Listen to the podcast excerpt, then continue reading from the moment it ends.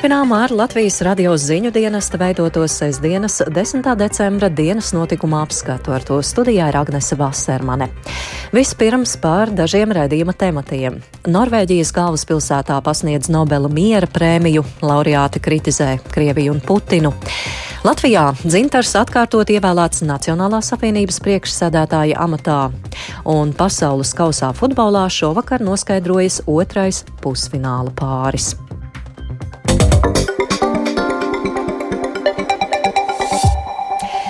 Norvēģijas galvaspilsētā Oslo šodien pasniegta šī gada Nobela miera prēmija. To saņēmuši Krievijas cilvēktiesību centrs Memorial, Ukrainas pilsonisko brīvību centrs, kā arī ieslodzījumā esošais Baltkrievu cilvēktiesību aktīvists un centra Vjasna dibinātājs Aļesis Beļatskis. Arī šīs dienas ceremonijas laikā laureāti vislielāko uzmanību pievērsuši karam Ukrainā, stāsta Uģis Lībietis. Par to, ka šī gada Nobela miera prēmija būs kaut kādā veidā saistīta ar pretošanos vardarbīgiem Krievijas režīmam, eksperti minēja vēl pirms uzvarētāju pasludināšanas. Prognozes minēja arī Ukraiņas prezidents Valdimirs Zelenski, taču šeit jāatgādina, ka oficiālās kandidatūras bija jāiesniedz līdz pagājušā gada nogalē, kad karš Ukrainā vēl nemaz nebija sācies. Neoficiāli ir zināms, ka cilvēktiesību centrs Memoriāla Krievijā, gan arī Haļas Beļatskis no Baltkrievu centra viesnā Nobel prēmijai ir virzīti jau vairāk kārt. Tagad kopā ar Ukrainas Pilsonisko brīvību centru, kas turpina dokumentēt Krievijas pastrādātos karu noziegumus Ukrainā, Krievijas, Ukrainas un Baltkrievijas cilvēktiesību aktīvisti faktiski ir saņēmuši apliecinājumu par to, ka viņu cīņa nav bijusi veltīga, par spīti varas iestāžu aktīvajai pretdarbībai. Saņemot balvu Ukrainas Pilsonisko brīvību centra vadītāja Aleksandra Motvīčoka norādījusi, ka Ukraiņa mieru vēlas vairāk par visiem pasaulē, taču viņas valsts mieru nepanāks, noliekot ieročus Krievijas agresijas priekšā. Потрібно перестати маскувати відкладені воєнні загрози pід політичні компроміси. Ir nepieciešams pārtraukt maskēt militāros draudus par politiskiem kompromisiem. Demokrātiskā pasaule ir pieradusi piekāpties un dot atlaides diktatoriem, un tieši tāpēc Ukrainas iedzīvotāja gatavība pretoties Krievijas imperialismam ir tik nozīmīga. Mēs nepametīsim cilvēkus okupētajās teritorijās, lai tie tur mirtu vai tiktu spīdzināti. Cilvēku dzīvība nevar būt politisks kompromiss. Cīnīties par mieru nenozīmē pakļauties agresora spiedienam, bet gan aizsargāt cilvēkus no viņa nežēlības. Šajā karā mēs cīnāmies par brīvību visās izpausmēs, un mēs par to maksājam visaugstāko cenu. Es gribu vērsties pie dažādu valstu iedzīvotājiem, aicinot viņus uz solidaritāti. Jums nav jābūt Ukrainim, lai atbalstītu Ukrainu. Būt par cilvēku ir pietiekami. Достатньо бути просто людиною. Aleksandra Matvīčuka atkārtot aicinājusi izveidot starptautisku kriminālu tiesu, lai saukt pie atbildības gan Krievijas prezidentu Vladimiru Putinu, gan Aleksandru Lukašenko. Memoriāla vadītājs Jans Račinskis norādījis, ka Putins un viņa ideoloģiskie pakalpiņi ir pārvērtuši cīņu pret fašismu par iegānstu, lai apklusinātu citādi domājošos vai attaisnotu noziedzīgo agresiju Ukrainā. Pēc viņu vārdiem šodien politisko ieslodzīto Krievijā ir vairāk nekā Padomju Savienībā perestroikas sākumā. Trešais Nobelpremijas laureāts Haļas Beļatskis kopš pagājušā gada jūlija atrodas apcietinājumā, un viņu vietā balvu saņēma viņa sieva Natālija Piņšuka, kura vīrvārdā aicinājusi cīnīties pret diktatoru internacionāli. Kā pēc ceremonijas atzinis Norvēģijas premjerministrs Jonas Gārs Stēre, šī gada prēmijas laureāti ir izvirzīti īstajā laikā. Den er jo veldig tidsaktuell, for den treffer jo i tre land. Šī balva tiek piešķirta īstajā laikā, jo tā norāda uz trīs valstīm. Ukrainu, kas ir iesaistīta pilna apmēra karā, Baltkrieviju, kurā ir autoritāra un brutāla pārvaldes sistēma, un Krieviju, kas arī ir autoritāra, bet citā veidā. Šīs cilvēktiesību organizācijas un drosmīgais Aļis Beļatskis, kurš ir cietumā Baltkrievijā, norāda mums uz šo situāciju. Notiekošais skaidri pierāda, ka pasaulē nebūs miera, ja valstis neievēros cilvēktiesības. Šī gada balvas ieguvēji ir to pelnījuši, jo viņi koncentrējas uz to, ka cilvēktiesību darbs ir svarīgs. Tas ir nozīmīgi arī Norvēģijai. Situasjonen. Norvēģijas premjerministrs arī uzsvērs, ka šīs dienas notikumi viņam atsauc atmiņā notikums pirms gandrīz 50 gadiem, kad bijušajam padomju disidentam Andrejam Saharovam piešķirto Nobel prēmiju arī saņēma viņa sieva Jeļena Bonere. Uģis Lībijams, Latvijas Radio. Latvijā šodien par Nacionālās apvienības priekšsēdētāju atkārtot ir ievēlēts tās ilgadējais vadītājs Raivis Dzintars. Viņš Latvijas radio iezīmēja turpmākos politiskā spēka mērķus un prioritātes.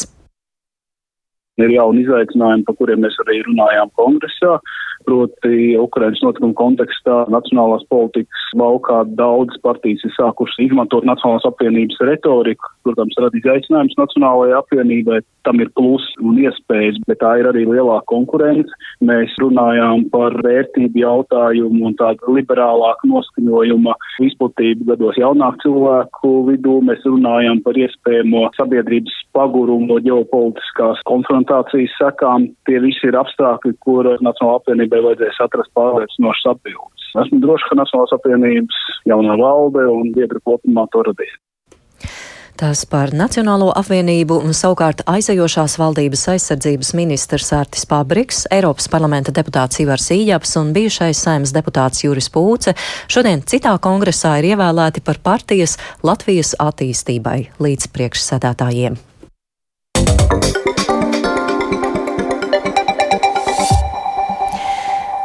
Par citu tēmātu. Meža cūku populācijā šogad dubultojies Āfrikas cūku mēra gadījumu skaits. Pārtikas un veterinārais dienests slimības lielo izplatību saista ar meža cūku skaita pieaugumu un kūtrāku medīšanu. Mednieku savienībā norāda, ka no valsts puses trūkst medības veicinošu pasākumu. Tikmēr līdz ar slimības izplatību pieaug riski arī slimības izplatībai mājas cūku novietnēs. Vīruss labi pārcieš arī augstumu, tāpēc pārtikas un veterinārais dienests aicina aicina arī ziemas sezonā pievērst uzmanību saimniecību biodrošībai. Plašāk par šo tēmatu Sintijas Ambotas ierakstā. Āfrikas cūku mēris šogad Latvijā konstatēts vairāk nekā tūkstoši meža cūkām, īpaši Latgales un Kurzemes reģionos. Tikmēr pērn slimība konstatēta vien ap 450 meža cūkā, arī iepriekš pāris gadus gadījumu skaits bijis zemāks. Pārtiks un veterinārā dienesta pārstāvis Mārtiņš Seržants norāda, ka slimības izplatība saistīta ar meža cūku populācijas pieaugumu mēs varam to droši saukt tā drusku tēlaini par otro vilni. Tā problēma tāda, ka faktiski mednieki drusku atslāba un nemedīja tik aktīvi jau sākot no kaut kāda, gribētos teikt, atsevišķās vietās no 19. un 20. gada. Un, protams, meža cūka ir reprodukcija ļoti ātra un dažu laikā pozitīvā populācija ir ļoti augstā līmenī. Bet ņemot vērā Covid ierobežojumus arī pagājušajā ziemā, kad nevarēja vairs arī medībās iet, protams, tas viss summēja un kopumā populācijas varētu teikt, izgāja ārpus tās normālās kontrolas, kad mednieks var regulēt. Latvijas mednieku savienības vadītājs Jānis Baumanis norāda, ka Āfrikas cūkumēra ierobežošanai intensīvas medības pat labam nenotiek, jo no valsts puses nav nekādu šīs medības veicinošu pasākumu, bet gluži pretēji ir virkne kavējošu faktoru. Mednieks, ja viņš zina, ka viņam pēc nomedīšanas ir jābrauc kaut kādu 50, 60 reizēm vairāk kilometri, jāved šie te asins paraugi bioram jānodod. Ja viņš nomedīja to meža cūku ceturtdienas vakarā, viņš zina, ka tos asins paraugus savāks tikai kaut kādā nākamajā otrdienā, Tas nozīmē, ka analīžu rezultāts viņš saņems labākajā gadījumā nākamajā trešdienā, tad faktiski viņam nedēļa tā meža cūka ir jāuzglabā kaut kur. Mēs nesakam, ka mums vajag eh, tagad naudu pa katru nomedīto cūku, bet padariet medīšanas kārtību izpildāmu, jo nu nav katram mednieku klubam tāds esētavu, kurā to meža cūku glabāt, un piedodiet man pie šīs dienas eh, elektrības cenām tas viss maksā naudu. Un šī iemesla dēļ viena daļa mednieku vienkārši izvēlas nemedīt. Šajā gadā Āfrikas cūku mēris skāris arī sešas saimniecības ar kopumā aptuveni 1500 mājas cūkām. Arī ziemas sezonā pārtiks un veterinārais dienas cūkopis aicina būt modriem un ievērot stingrus biodrošības pasākumus. Sinti Ambot, Latvijas radio.